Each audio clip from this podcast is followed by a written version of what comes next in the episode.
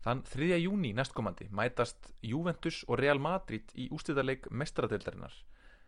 Leikurinn verður spilaður í Cardiff í Wales og í þessum þætti ætla ég að fjallaði mitt um lið Juventus, La Vecchia Signora eða Gömlu Dömuna og segja ykkur meðal annars frá því hvaða tengingu Juventus hefur við Wales. Ég heiti Björn Már Ólafsson og þú ert að hlusta podcastið Ítalski boltinn.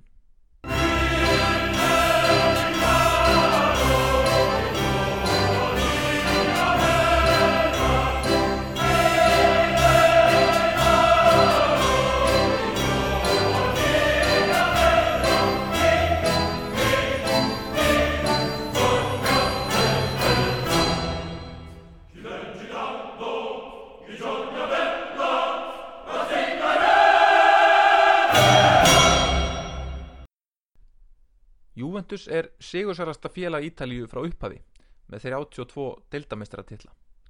Þetta er stórveldi sem hefur aðeins eitt á stefnusgráni að vinna titla. Juventus er líka best rekna félagið á Ítalíu. Viðskiptahættir eigandana sem að tengjast bílaframlegandarum Fiat sterkum böndum hafa skipt sköpum hjá félaginu í gegnum söguna. Meira að segja norski óljusjóðurinn ákvað fyrir nokkrum árum síðan að fjárfestaði Juventus svo mikils tröst njóta stjórnendur félagsins á alþjóða grundu. Eins og norminni græði ekki nóga mikið á ólinu sinni þá þurfa þeir líka að græða á velgengni Juventus. En þótt Juventus tengist innanða samstipunni Fiat sterkum böndum þá var félagið fyrst stopnað af ítölskum háskólanemum. Skulum byrja á byrjuninni. Juventus kemur sér satt frá yðnaðaborginni Torino í norðvestur Ítalíu hér aðeinu Piedmont. Félagið var stopnað sem Sportklub Juventus árið 1897 af nefndum við Massimo D'Azeglio Liceo háskólanum í Torino. Fyrsti fórseti félagsins var Eugenio Canfari. Ásand bróðu sinum Enrico Canfari var hann mjög mikilvægur á fyrstu árum félagsins. Enrico Canfari, bróður hans, lærði síðar efnafræði í Breitlandi og þegar hann var þar þá, í námi þá nýtti hann tíman til þess að fræðast um fótbolta, reglur og taktík og, og kom svo til aftur til Ítalíu með nýjustu ströyma innan knaspitunar. Fyrstu ár félagsins spilaði Juventus í bleikum búningum. Árið 1903, sem sagt 6 árum eftir stopnum félagsins, var búið að þvó búningana ansi oft og bleiki liturinn í treyjunum var orðin frekar þunnur. Í stað þess að þvó treyjurnar á suðu með rauðu laki eins og ég hefði sannlega gert til að reyna að laga bleika litin var ákveðið að kaupa nýjar. Á þessum tíma spilaði ennsku strákur með liðinu sem hétt John Savage. Hann var spurður hvort hann þekkt einhvern sem að byggja til treyjur í Breitlandi. Hann hafði samband við vinsinn frá Nottingham og þessi vinnur hans gæti útvega honum svartar og hvítar röndóttar treyjur sem að Júventur spila með enn þann dag í dag. Árið 1900 skráði félagið sitt til leiks í ítörsku deildakefninni og árið 1904 kom fyrsti alvöru fjárfestirinn til leiks við liðið. Anmone Mar Maran sátti þess að liðið gætt hægt að spila á hennum ömulega Piazza d'Armi vellinum og gætt í staðin leikt völlin Velodrome Umberto hins fyrsta. Árið 1906 spruttu upp ádrefa mikla deilur í félaginu. Þetta voru einfallega deilur um metnaðin hjá liðinu. Hvort félagið ætti að þróast í átt að verða meira atvinnumannafélag eða ekki. Háskólanemarnir sem hefðu stopnað félagið voru úr aristokratiskum efristjættum en verkamennir vildu að félagi myndi vera eins lausara í reipunum. Þeir voru líka óanæðir verkamennir með hugmyndir um að færa Juventus frá Torino en þær hugmyndir voru uppi á sínum tíma sem ekkert var síðan úr. Þannig að fjárfeistirinn Alfred, Alfredo Dick sem ég hef fjallað um í þessu podcast áður hann hætti að Juventus og stopnaði á samt nokkrum öðrum félagið Torino og upp frá þeim tíma hefur verið nágrannarslagurinn Derby della Mole á milli Torino og Juventus. Þegar þessir menn undir stjórn Alfred, Alfredo Dick hafðu yfirgefið félagið var nafninu breytt í fútbólklöpp Juventus. Í merki félagsins í gegnum árin má sjá stort nöyt á afturfótunum sem er með tákn Torino borgar. Það er einmitt stort nöyt á afturfótunum í merki Torino þannig að þetta er eitthvað sem að liðin eiga sameiglegt. En í merki Juventus er líka kórona sem að táknar gömlu borgina Augusta Tororínum sem var gamla höfuborg Piedmont hérðas. Nú á þessu ári breytti Juventus merkinu sínu og tók upp nýtt merki sem er einfallega reysastort jóð. Þetta jóð á að vera einhvers konar táknum nýja tíma og jóð gefur líka Juventus ákveðna sérstöðu í ídísku deildinni vegna þess að Juventus er uh, fyrsti stafurinn í Juventus er auðvitað jóð sem er ekki stafur sem er notaður í ítalska stafróðinu þannig að þetta gefur liðinu ákveðna sérstöðu. Árið 1923 markar mikil vatnaskil í sögu félagsins. Þá komst við valda fjárfestirinn og yðnjöfurinn allræmdi Eduardo Agnelli og er Agnelli fjölskyldan enn í dag svo valdamesta í stjórn félagsins. Eduardo var sonur Gianni Agnellis sem að stopnaði Fiat árið 1899 og lagði grunninn að Fiat veldinu. Það er ekki hægt að fjalla um Juventus án þess að fara eins yfir sögu Agnelli fjölskytunar alveg þar til við komum að nútímanum þar sem þeir hafa enn ítök í dag. Það fyrsta sem að Eduardo Agnelli gerði þegar hann tók við sem fórseti Juventus árið 1923 var að byggja nýja völl og fljótlega eftir það vann félagið sinn annar, annan ítaljumestratitil árið 1926. Eduardo Agnelli var fórseti leysins fram til ásins 1935 þegar hann lést á skjelvilegan hátt. Hann var þá stattur í Genoa, Hafnaborg á vestustöndinni. Þánga hafði hann flóið á sjóflúvel. Sjóflúvelin sem hann var í sildi á reysastóran viðardrömb í sjónum og við það fjall Eduardo framfyrir sig inn í reyfil flugvelarinnar. En það var í fósetatíð Eduardos sem að Juventus varð fyrst að stórveldi og var það eitt fyrsta liðið á Ítalju til að eignast stóran stuðningsmannaskara utan eigin heimahýraðs þess að þetta er fyrsta liðið sem að fjekk einhvers konar uh, national stuðningsmenn. Og í dag er Juventus það lið á Ítalju bæði innanland sem utan sem á sér sína flesta uh, stuðningsmenn. Um tíu árum síðar eftir andlát Angelis árið 1947 tók næsti Agnelli við stjórnartaumanum og það er kannski þekktasti Agnelliin Gianni Agnelli, hinn yngri. Hann var sonur Eduardos Agnelli sem lesti í flugstísinu og sá sem tók við viðskiptaveldi fjölskytunar sem stjórnaformaður Gianni Agnelli bar alltaf viðunefnið L'Avvocato eða lögmaðurinn þar sem að hann var lögfræðimentaður Hann starfaði hins vegar aldrei sem lögfræðingur en það kom ekki veg fyrir að fólk notaði þetta viðunefni um hann. Viðunefni sem að notu er á, á Ítalíu og sérstaklega í knaspunni tengjast oft personum ansi lítið. Þetta er í hug önnursaga af knaspunnumanni sem var með alveg stórkoslegt viðunefni en það var miðjumæður sem spilaði með Fiorentina um árabil Marco Donadell. Á meðan Donadell spilaði fókbalta með Fiorentina þá lauk hann prófi í verðbregamiðlun það var einhver kurs sem hann hafi tekið með fram knastbundinni og þetta þótti stuðnismönnum svo, svo tilkomið mikið hjá Fiorentina að hann hlaut viðunöfnið Il Professore eftir þetta eina próf sem hann hafi náð. Annað skemmtilegt viðunöfni sem að tengis líka Juventus er viðunöfni sem að Gonzalo Higuín framirinn ber. Hann er eins og margir þekkja kallaður Il Pipita. Og ástæðan fyrir þessu viðunöfni er ekki allir sem að vita hana en pappans var kallaður Pipa hann var kallaður Pipa vegna þess að hann var með svo stort nef að það þótti líta út eins og Pipa þannig að sonur Pipa hétt á sem sagt hinn litli eða yngri Pipan svona geta viðunöfni verið rugglandi En Gianni Agnelli, sem varð fórseti Juventus árið 1947, hann er skilgreiningin á þessu old money aristokrata fjölskyldu. Hann gekk alltaf um í gríðalega dýrum, fallegum fötum, sapnaði að sjálfsögðu málverkum og átti ótal hjákonur, bæði fyrir og eftir hjónaband.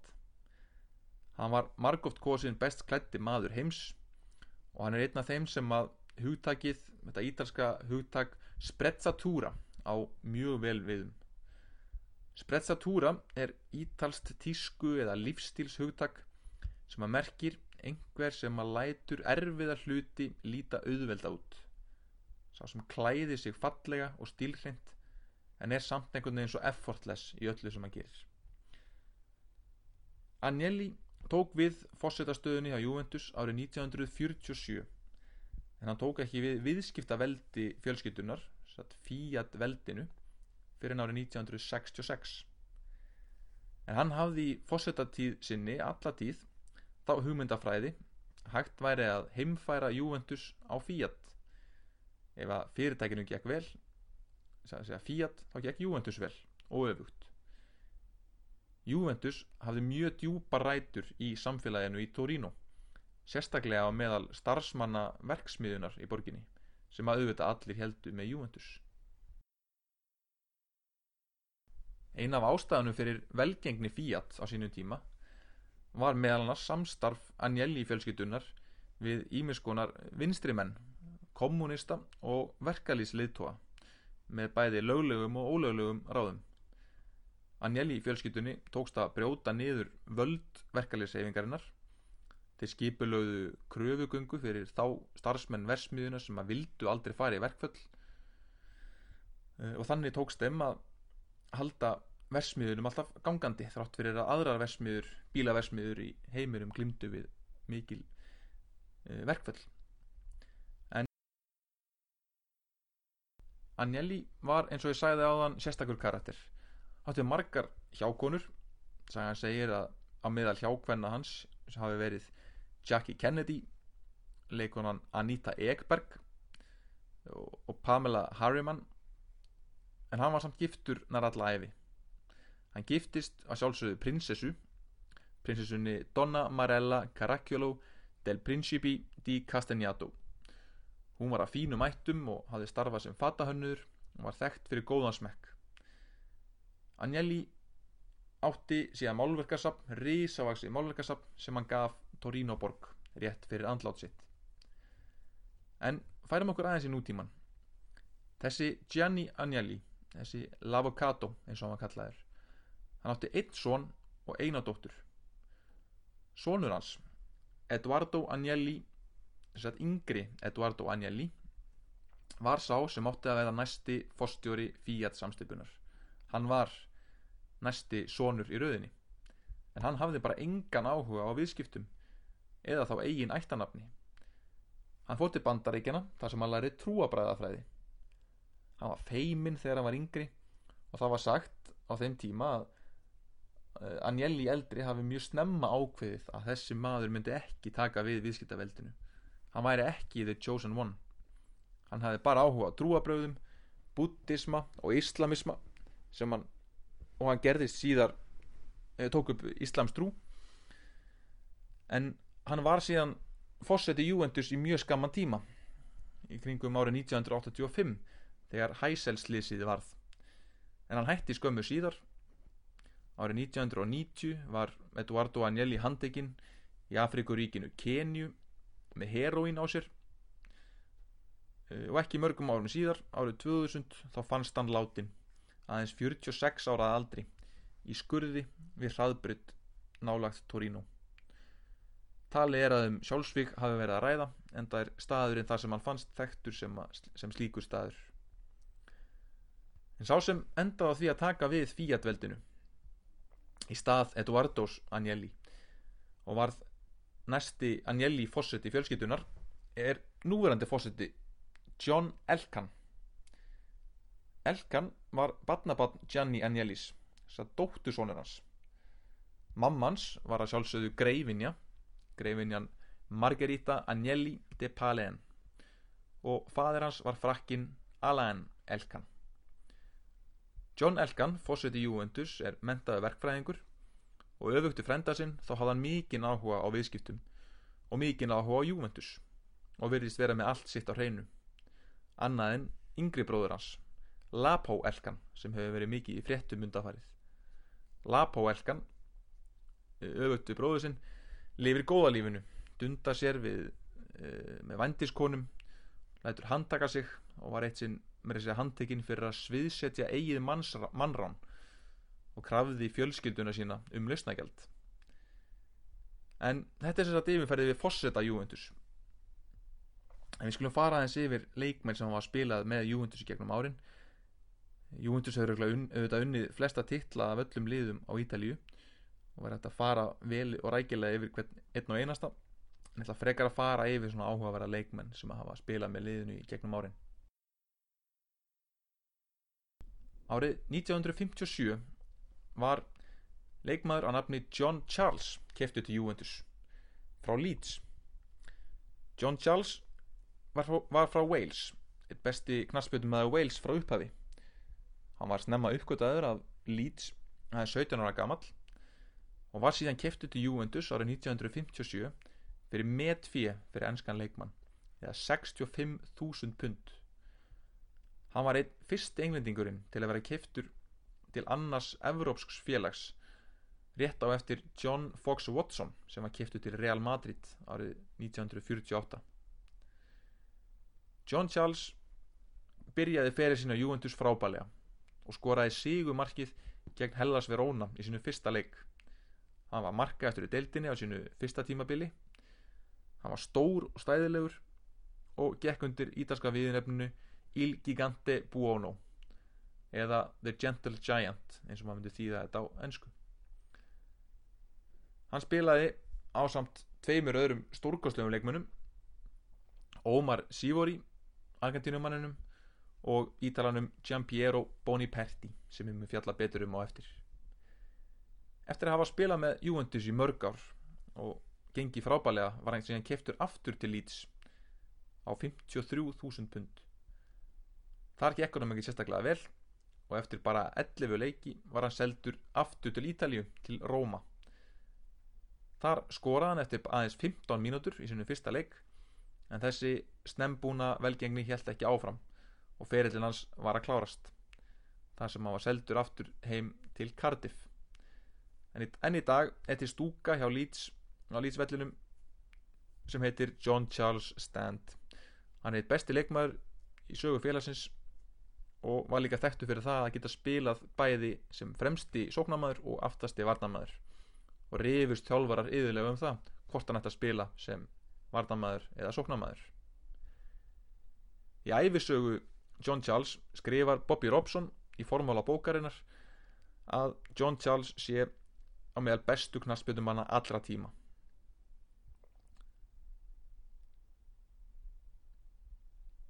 Með John Charles hjá Juventus spiluðu líka tveir frændur okkar Danir.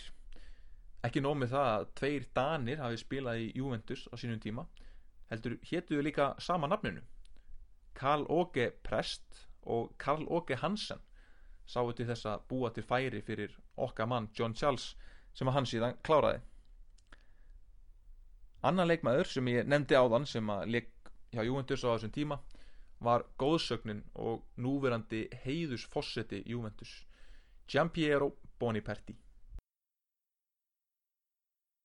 Giampiero Boniperti er kannski eitt þekktasta nafn Juventus fyrir og síðar og klálega nafn sem að gefur mörgum Juventus stuðnismörum gæsahúð. Hann var snemma uppgötaður af útsendurum Juventus og skrifaði undir á félaginu aðeins 16 ára gamall eftir að útsendararnir hafðu síðan skora 11 mörg í einum og sama leiknum. Hann var leikjæsti leikmaður Juventus frá upphafi. Þar til Alessandro Del Piero sló síðan metið og Buffon stefnir í það að enda vel fyrir ofan þá. Hann var mest markaskorari þótt hann hafi getað leist allar sóknastöðunar á vellinum en hann nautist líka að hafa góða meðspilara John Charles og Karl Åge Hansen og Karl Åge Prest. Hann var góðu skallamaður góður með báðum löpunum og var líka góður að skora það sem er að kalla akrobatísk mörg hjólætsaspinnur, klippur og fleira. Setna á ferlinum þegar hraðin fór að minka færði hann sér aftar á völlin þar sem hann gætt aðstóða liðsfélagi sína úr leikstjótandastöðu Eftir að hann hætti sem leikmaður var hann gerður að frangandastjóra hjá Juventus og svo var hann fósetti félagsins árið 1981 Hann var fósetti í mörg ár og er nú heiðusfósetti liðsins. Hann var síðan stjórnmálamæður, hafði mikla skoðanir og frá árinu 1994 til 1999 satt Giampiero Boniperti á Evropaþinginu fyrir flokkin Forza Italia sem að margir vita að er þetta stjórnmálaflokkur Silvios Berlusconis og badnabann Giampiero Boniperti ólst upp í úlingaliði Juventus og spila nú í Serie B með Mantova Við höldum áfram hraðferð okkar í gegnum söguna. Juventus er auðvitað það ítalska lið sem hefur oftast unnið Scudettoin eða ítalsku deildina, 32 svar. En lið hefur ekki haft jafn góðu gengi að fagna í Evropakeppni sem að AC Milan hefur frekar séðum að vinna. Fyrsti meistradeildartitill eða forverið þeirra keppni, Evropameistradeildartitill, eh, Juventus kom árið 1985 eh, í Hæsel slísinu sem að margi þekkja. Það sem gerðist á vellinum í úslítaleiknum þekkja eflust flestir. Fjölmargir áhörvendur letu lífi þennan dag en leikurinn var spilaður og þótti mörgum það algjör skandal og mann næstuði engin eftir því hvað gerist inn á vellinum. En Juventus liðið á þessum tíma var frábælega velskipað í alla staði og svo rennaði sig yfir nokkra leikmenn sem að leiku með liðuna á þessum tíma. Helstu tveir þær stórstjörnu liðsins voru uh, Spigniew Boniek og Michel Platini. Boniek er þið besti knastbjöndum aðeins Póllands fyrr og síðar. Hann var keftið til Juventus frá Vitsev Lodz í Pólandi árið 1982 eftir að hafa unni brons á HM með pólska landsliðinu sama ár. Hann spilaði 81 leik með Juventus og skoraði 14 mörg hann er leikmaðurinn sem að fekk vítið í ústæðaleiknum á Hæsel sem að Platini skoraði úr eina mark leiksins sem engin mann eftir. Boniek fóð síðan til Róma þar sem hann leik 76 leiki og skoraði 17 mörg hann var þekktur sérstaklega fyrir yfirvaraskekkið sem að gerða hann að mjög einkennandi leikmanni. Hann var stór og sterkur og snöggur og var kallaður hinn fullkomni skyndisóknar leikmaður vegna þess að hann var, svo, hann var svo snöggur að hlaupa og tók alltaf réttu hlaupin hann náði sér alltaf best á stryk í Evrópukjefnum hann var af fósita liðsins Gianni Agnelli kallaður Bello di Notte eh, sem gefur til kynna að hann hefði alltaf spila best á kvöldin eða nóttunni. Á þeim tíma voru Evrópuleikir spilaðir á kvöldin en deildaleikir á daginn. Í lókfélagsins þegar hraðin var alveg farin fór hann síðan að spila leiki sem aftasti varnamæður sem sweeper hann reyndi fyrir sér sem þjálfari á Ítalju en sáferill endist ekki lengi og náðan bara að þjálfa lið í næri deildum. Nokkrum árum síðan var hann síðan þjálfari pólska landsleisins en þar gekk hann um ekki vel og hann var reygin eftir aðeins fimm leiki. En árið 2012 var hann síðan góðsinn fósetti pólska knatsbyrnusabansins hann er vinsell í Pólandi sérstaklega á meðal stuðningsmanna og er hann kannski einn af fáum knatsbyrnufósettum í Evropu sem að hefur uh, barist fyrir því að stuðningsmenn fá að skjótu flúveldum á leikum þar sem vera með sprengjur bæði reiksprengjur og flúvelda en með Boniek hjá Juventus spilaði auðvitað eitt besti knarspilumöður allra tíma frakkin Michel Platini. Platini er auðvitað frakki og vann Evropameistaramóti með Fraklandi en hann er af ítölskum ættum bæði móður og föðurætt. Móður hans, Anna er frá Belluno á Ítalju og fadur hans, Aldo er ættaður frá Novara. Þau komu bæði til Fraklands eftir fyrri heimstyröldina Aldo fæðir hans var aturumæður í knaspinu og stjórnamaður í knaspinu félaginu Nancy þar sem Platini hóf ferilinn Platini, það engeldi svolítið ferilinn hans að hann var mikið mittur hann vann byggarinn hjá Nancy satt fyrsta titili sinn árið 1979 en þegar samningurnars rann út fór hann til Saint-Étienne. Þar vann hann deildina árið 1981 eh, en tapaði í tveimur byggarúsla leikim 1981 og 82 og strax eftir tapið 82 fór hann til Juventus satt á sama tíma á Juventus kaupir Boniek. Fyrsta tímabilið hans byrjaði ræðilega hjá Juventus. Uh, á þessum tíma var Juventus með fullt lið af heimsmeisturum uh, heimsmeisturum Ítalíu árið 1982 Platini vildi fara hann gekk illa í leikjunum. En þeir Boniek ákvaðu að byggja þjálfvaran um að breytum leikkerfi. Og eftir að þjálfari leysins á þessum tíma ákvaða að gera það þá var ekki eftir snúið. Hann var markaðistur á Ítalíu í þrjú ári röð og var líka besti knassbytumæður Evrópu þrjú ár í röð. Platini spilaði með Fraklandi á HM 78 það sem þið gekk hræðilega og var honum meðal hans kent um það. En þeir unnu síðan EM á heimavelli árið 1984 þar sem Platini skoraði nýju mörg á mótinu sem er ennþá að mesta sem leikmaður hefur skorað á EM.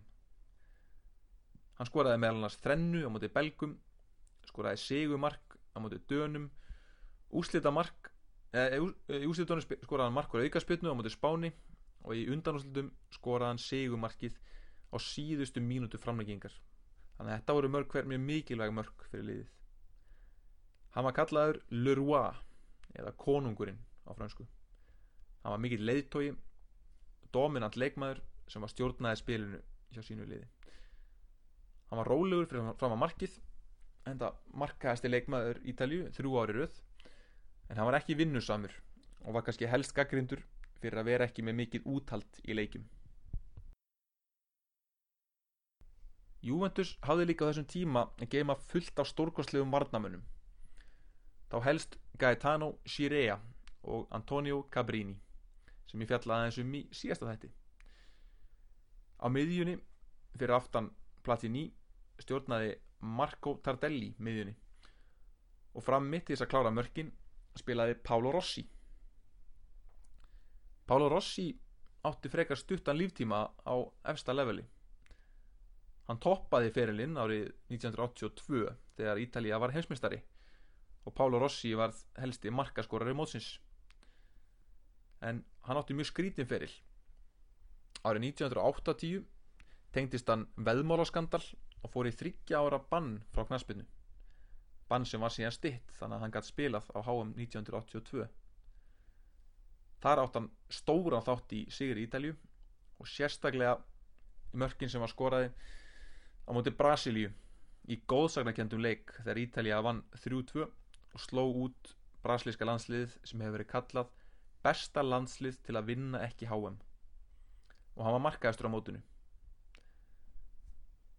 Hann hafði áður verið í eigu Juventus, Pála Rossi, en markarekordið hans hjá liðinu er ekkit sérstaklega gott. Hann skoraði mest 13 mörg á einu tímabili og önnur tvö tímabil skoraði hann bara 5 mörg í hvorskipti. Eftir ferlinu Juventus fór hann til Asi Milan og síðan Hellas Verona en náði aldrei sömu hæðum og áður. Við þekkjum síðan öll leikmenn sem spiluði með Juventus á tíund áratögnum. Roberto Baggio var kiftur frá erkifjöndunum í Fiorentina, Gianluca Vialli, Giro Ferrara, varðanmaðurinn sem síðan var þjálfari, Filippo Inzaghi, sló í gegna Juventus áður hann fór til AC Milan, Gianluca Pesotto, Silfurreifurinn Fabrizio Ravanelli, Angelo Peruzzi í markinu, Zinedine Zidane, sem að síðan var seldur til Real Madrid á Medvi Angelo Di Livio sem að áður hefur verið fjallað um í þessum þáttum keðjureikingamæðurinn sem að spilaði alltaf í skrúutökum og síðan Didier Deschamps. En það er engin stærri á þessum tíma en Alessandro Del Piero eða Herra Juventus eins og hann er enn kallaður í dag. Del Piero kom mjög ungur til Juventus frá félaginu Padova. Hjá Padova hafa hann spilað 14 mestaraflokksleiki og skorað eitt mark. En árið 1993 spilaði hann sinn fyrsta leik fyrir Juventus. Alls spilaði hann 513 leiki fyrir liðið áður en hann læði skóna, Juventus skóna á hilluna og fór að spila í Ástralju mörkin urðu alls 208 eldri bræður Del Pieros voru líka mikli knasputnumenn og reyndu fyrir sér í atvinnumennsku. Stefano Del Piero bróður hans til skamstíma með Sampdoria en það var Alessandro sem hafi fengið alla hæfileikana. Þegar hann var ungur spilaði hann fyrst sem markmaður í sínu liði því það var svo staða þar sem hann fekk mestan spiltíma. Og það var svo staða sem að móður hans var ánæðust með að hann væri að spila því þar svitnaði hann minnst og það voru minnsta líkur á því að hann myndi meðast það var að lokum bróður hans Stefano sem þurfti að sannfæra bæði Del Piero sjálfan, Alessandro og móður hans um að hann ætti heima framar á vellinum. Sá sem sáti þess að kaupa Del Piero til liðsins var þáverandi fósittin Giampiero Boniperti sem ég fjallaði um áðan.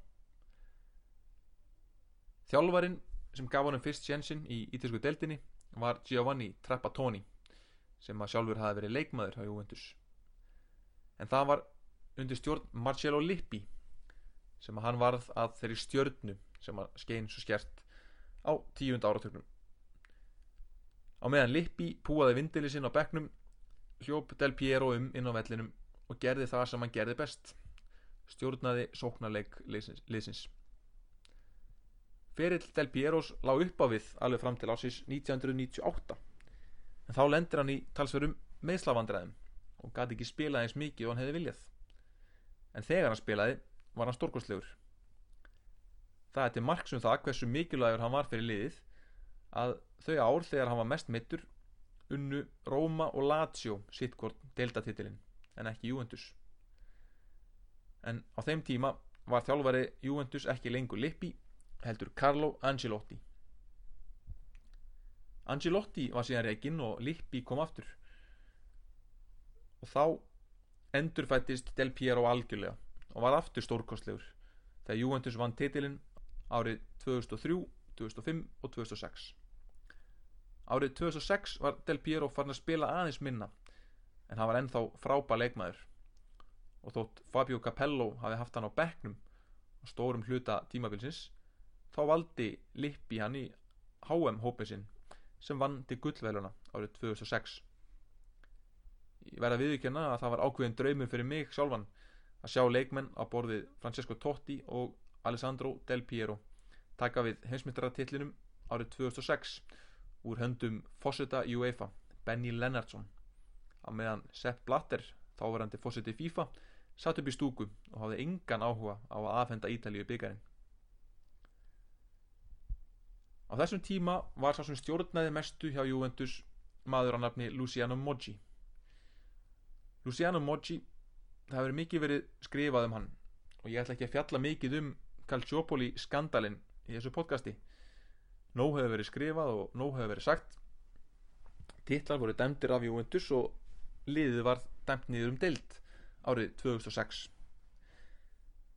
þá þurftu stjörnuleikmenn liðsins að gera upp við sig hvort þeir vildu spila í serju B eða færa sig bara um set. Fabio Cannavaro og Emerson fóru til Real Madrid en Gianluigi Buffon Del Piero, Trezeguet Camoranesi og fleiri tóku þunguskrefin með liðinu niður í serju B. Juventus var með langbesta liðið í serju B árið eftir. Það sem var Juventus meðal annars til haps var að þeir gáttu nota leikmenn sem höfðu kannski áður mistígi sig á ferlinum en voru eh, tilbúinu til að ganga til liðs við Juventus sem að þurfti á styrkingu að halda Þetta voru til dæmis leikmenn sem höfðu lofa góðu en höfðu þurft annað tækifæri til að sanna sig.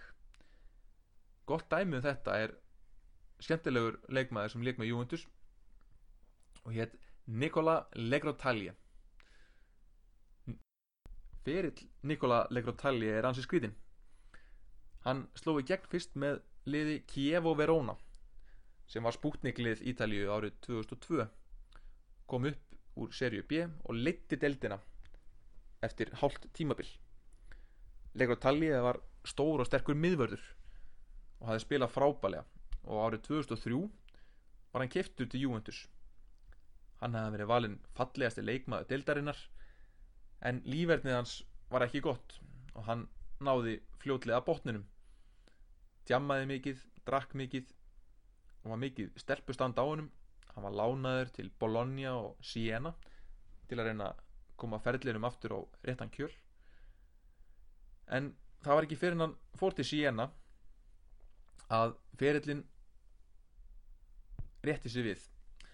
Það var þegar hann hitti liðsfélagið sinn Thomas Guzman þessi Thomas Guzman kynnti Legrotalje fyrir Guði og bibljunni og kristinni trú.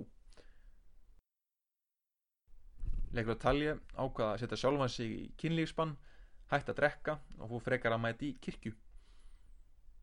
Þetta hjálpa á honum vegna þess að þegar hans fór með Juventus niður í serju B vann hann sérinn sæti í byrjunarliðinu og spilaði sinn besta fótbolta hann held áfram að predika kristna trú. Hann letur endar líka miður falleg ummali falla um samkynneið og þegar hann fall, fagnaði mörgum og hann skoraði nú nokkur á Juventus þá fagnaði hann með því að rýfa sig úr treyjunni og sína nærbólinn sinn þar sem stóð Jésu vífu eða Jésu lifir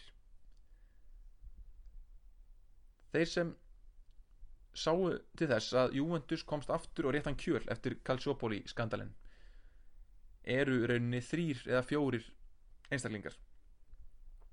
Það eru John Elkan Pavel Nedved fyrir um leikmaðurliðsins sem var síðan stjórnam, gerður á stjórnamanni Mattia Paratici sem er yfirmaður íþróttamála og Beppe Marotta sem er frankandastjóri þessir þrý síðastnefndu eru ákveð tríó sem að sjá um leikmannakaup. Og þeir sjá um stjórnfélagsins þeir sjá til þess að engin leikmaður verði starri en félagið Þegar Juventus komst aftur upp úr serju B þá endaði liði í öðru og síðan þriðasæti. Þá ætluðu þeir að fara að eða meiri pening og fjárfesta til að komast aftur alla leið á toppin. En þá fór allt úrskeiðis. Leikmenn sem þeir keftu dýrum dómum sló ekki gegn. Þeir keftu meðal hans Diego frá Verde Bremen og Felipe Melo frá Fiorentina samtals á 50 miljónir en þeir fengu held ég báðir guldnir úslaturina en þá var ákveðið að breyta svolítið um stefnu. Og árið 2011 þá breytist allt. Þá komu til liðsins Andrea Pirlo á frjálsri sölu frá AC Milan sem hafði unnið titilinn sama ár og Antonio Conte. Antonio Conte er auðvitað gömul Juventus kempa.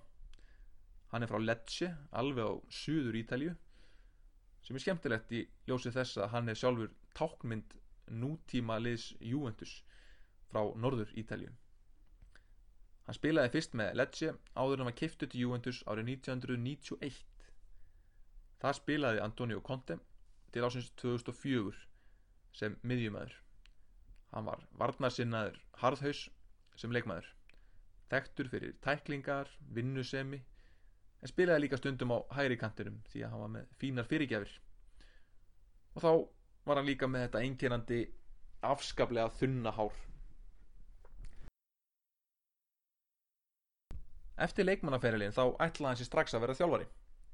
Árið 2006 tók hann við þjálfun hjá Arezzo síðan tók hann við Bari Atalanta, Siena og svo loks Juventus árið 2011 Hann gerði það sem að ítalski þjálfarar kalla fare gavetta. Fare gavetta er ítalst hugtak yfir það sem þjálfarar eða leikmenn gera þegar þeir fara í neðri deildir til þess að byggja upp ferlisin. Það er að segja að þeir fara í neðri deildinar til að læra, koma séðan upp aftur sem fullmótaðir þjálfarar eða leikmenn. Fare gavetta þýðir á ítölsku einfallega nestisbox hugtakið fari gavetta kemur úr því að gavetta er einhvers konar gamalt ítalst nestisbox sem að hermenn notuðu á sínum tíma. Þannig að þegar leikmenn voru að fara gavetta þá voru þeir að fara í herin og læra að verða að mönnum. Þannig gerði Antonio Conte. Hann fór í neðri deildinar gekk stundum vel og stundum illa. Var óhrættur við að prófa nýja hluti og það skilaði hann á endanum þjálfarastöðunni hjá Juventus árið 2011 og hann hefur ekki litið um öll síðan. Síðustu ár hefur hann verið líkil maðurinn í að byggja upp þessa sigur maskinu Juventus. En það eru þó þessi þrýr sem ég nefndu á þann sem að stjórna mestu hjá Juventus. Og þeir hík ekki við að selja stórstjörnur ef þeir telja þær vera orðnar og stórar fyrir félagið eða þá að þeir geti fengið mikinn penning fyrir. Þannig hafa þeir á síðustu árum mist auðvitað Andrea Pirlo sem var hann gammal Arturo Vidal var seldur Paul Pogba og Alvaro Morata. En í staðin þá er þeir aftur komin í úslitt mestrardeldarinnar í annað sinn síðan árið 2015 Antonio Conte var sagður ekkit mjög ánæður með þessa stefnu að vera að missa leikmenn. En þessi þrýr sem stjórnaði Juventus fengu í staðin Max Allegri sem að þjálfa nú Juventus. Og er liðið núna komið í úslitt mestrardeldarinnar og í leikmannahóp Juventus í þessum leik verður leikmaður sem að ég held að allir vonist til að vinni dolluna. Og það verður síðasti leikmaðurinn sem ég ætla að fjalla um hérna í dag. Gianluigi Buffon Juventus hefur alltaf haft stórkostlega markmenn. Markmannin Dino Soff þekkja flestir sem vann bæði HM og EM í Ítalju markmaður sem er alltaf notaður sem mælikvarði um ítalska markmenn. Soff var síðan þjálfari og náði góðum árangri með Juventus. Og eftir Soff kom síðan Angelo Peruzzi sem var líka margi mun eftir. Peruzzi leik ungur með Róma en fjett þar á Livjaprófi hann var síðan keftu til Juventus en var fyrst talin svolítið óvenjulegu fyrir markvörð að vera. Hann var ekki sérstaklega hávaksinn en með frábæran stökkraft og mjög góð viðbröð í viðtali eitt sinn greindan frá því að þegar hann var yngri þá æfðan viðbröðin með því að veiða fiska með berum höndunum. Hann hlut snemma viðunefnið boksarin eða Tyson en það var hann lágvaksinn og saman reygin gríðarlega sterkur og þorði alltaf að koma hlaupandi út úr markinu og elda alla bolta. Hann vann þrjá deildamestratilla í Juventus UEFA byggar og meistaradeildina og einn ítalskan byggar Ítalir leggjaðu auðvitað mikið upp úr varnarleik og hafa alltaf gert. Að flesti markmenn sem að ná árangri á Ítalju eru á þeirri tegund sem að tala mikið og taka þátt í því að skipulegja varnarlínuna fyrir fram að sig. Peruzzi kunnuð þessa list en hann var samt kannski engin Pagliuca eða Walter Senga sem voru kannski tveir markmenn í algjörum sérflokki þegar koma því að rífast og rökraða við bæði dómara og eigin varnarlínu jafnvel í miðjum leik. En þegar Buffon kom til Juventus endaði á því að Peruzzi var seldur. Hann fór aftur til Rómar en í þetta sinn ekki í vínrauða hluta borgarinnar heldur til erkifjandana í Lazio þar leik hann til ásins 2007 og hann var meðal annars í landslýshópi Ítalíu sem að vann HM 2006 árið 2007 lagði hann hanskana á hilluna Peruzzi og það á frekar geggjaðan hátt. Eftir 0-0 leik gegn erki fjendunum í Róma sagðist hann vera komið nóg. Líka með að fara að gefa sig. Og hann þurfti alveg að spröyta sig fyrir hvern einasta leik hann fekk eina stutta heiðurskiptingu í lók tímabilsins. Þátt verið að vera í raun hættur. En þetta er auðvitað eina leiðin fyrir markmann til þess að hætta í fókbalta halda laginu hreinum í eitt síðasta skipti í nágrannarslag við Róma. En árið 2001 keipti Juventus Buffon frá Parma á 53 miljónir evra sem er mikill peningur. En sennilega er þetta besta fjárfyrsting sem Juventus hefur nokkuð tíma gert og það er grátt broslegt fyrir mig sem er Róma stunismæður á sama tíma var Róma líka að eldast við Buffon.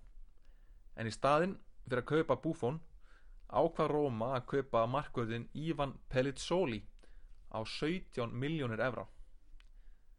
Buffon getur þann 3. júni unnið meistradöldina Ivan Pelizzoli sem spila nú í Lega Pro í þriðjudeld á Ítalíu getur þann 3. júni farið í langt og verðskulda sumafrí eftir að hafa vermt tréverkið hjá Piacenza í allan vetur.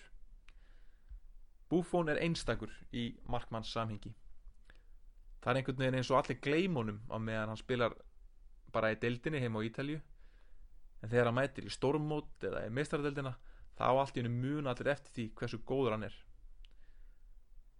Það vita það ekki margir að Buffon spilaði fyrst sem miðjumæður í úlingaliði Parma áður en hann fór til Juventus.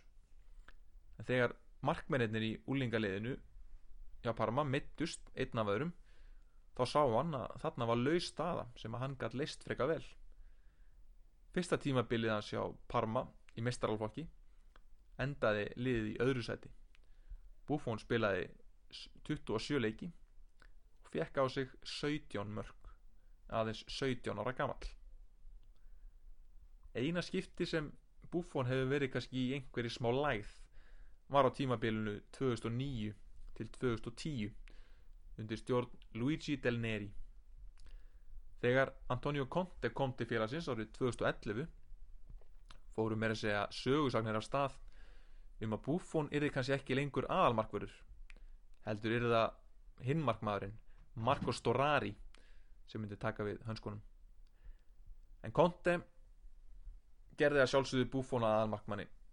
Og þeir tveir höfður auðvitað spilað sama hjá Juventus á sínum tíma.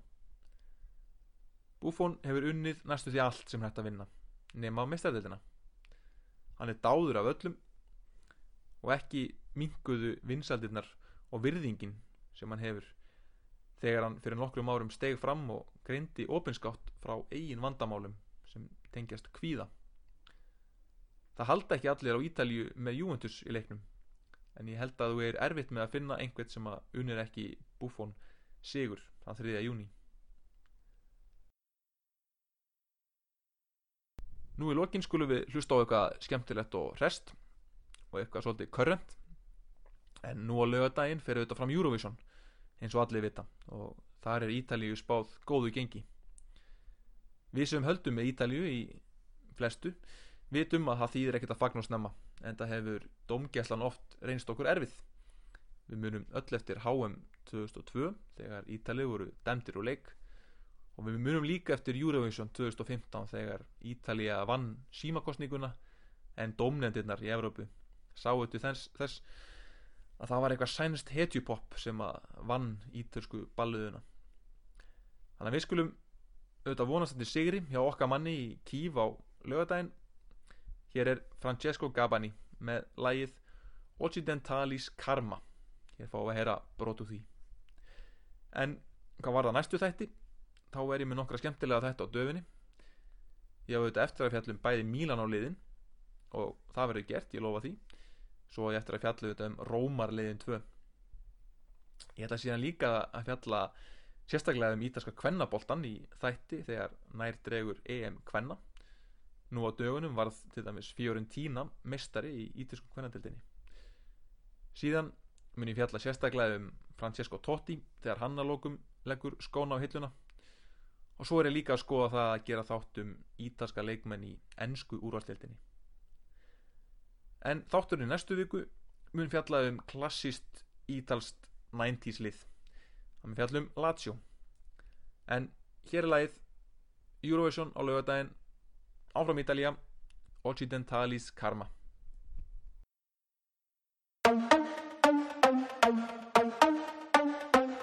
Essere o dover essere il dubbio amletico Contemporaneo come l'uomo del neolitico. Nella tua gabbia due per tre Mettiti comodo. Intellettuali nei caffè Internetologi Soci onorari al gruppo dei selfisti anonimi. L'intelligenza è demode Risposte facili Dilemmi inutili. Ah ah, ah, cerca sì, storie dal gran finale, spera sì, comunque vada Pantarei, and singing in the rain, lezioni di Nirvana, c'è indiana, per tutti un'ora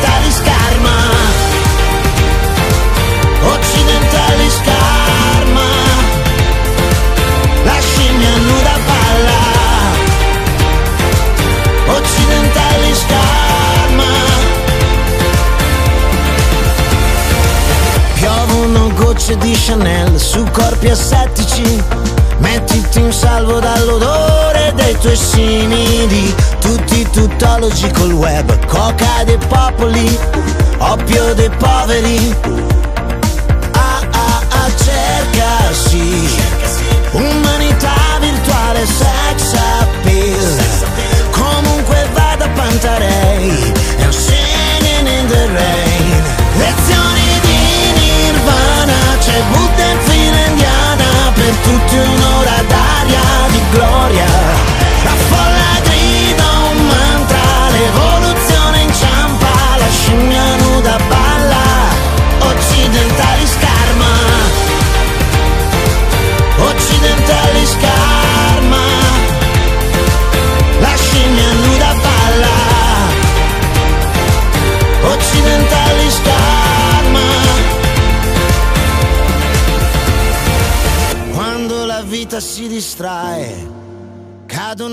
uomini Occidentali scarma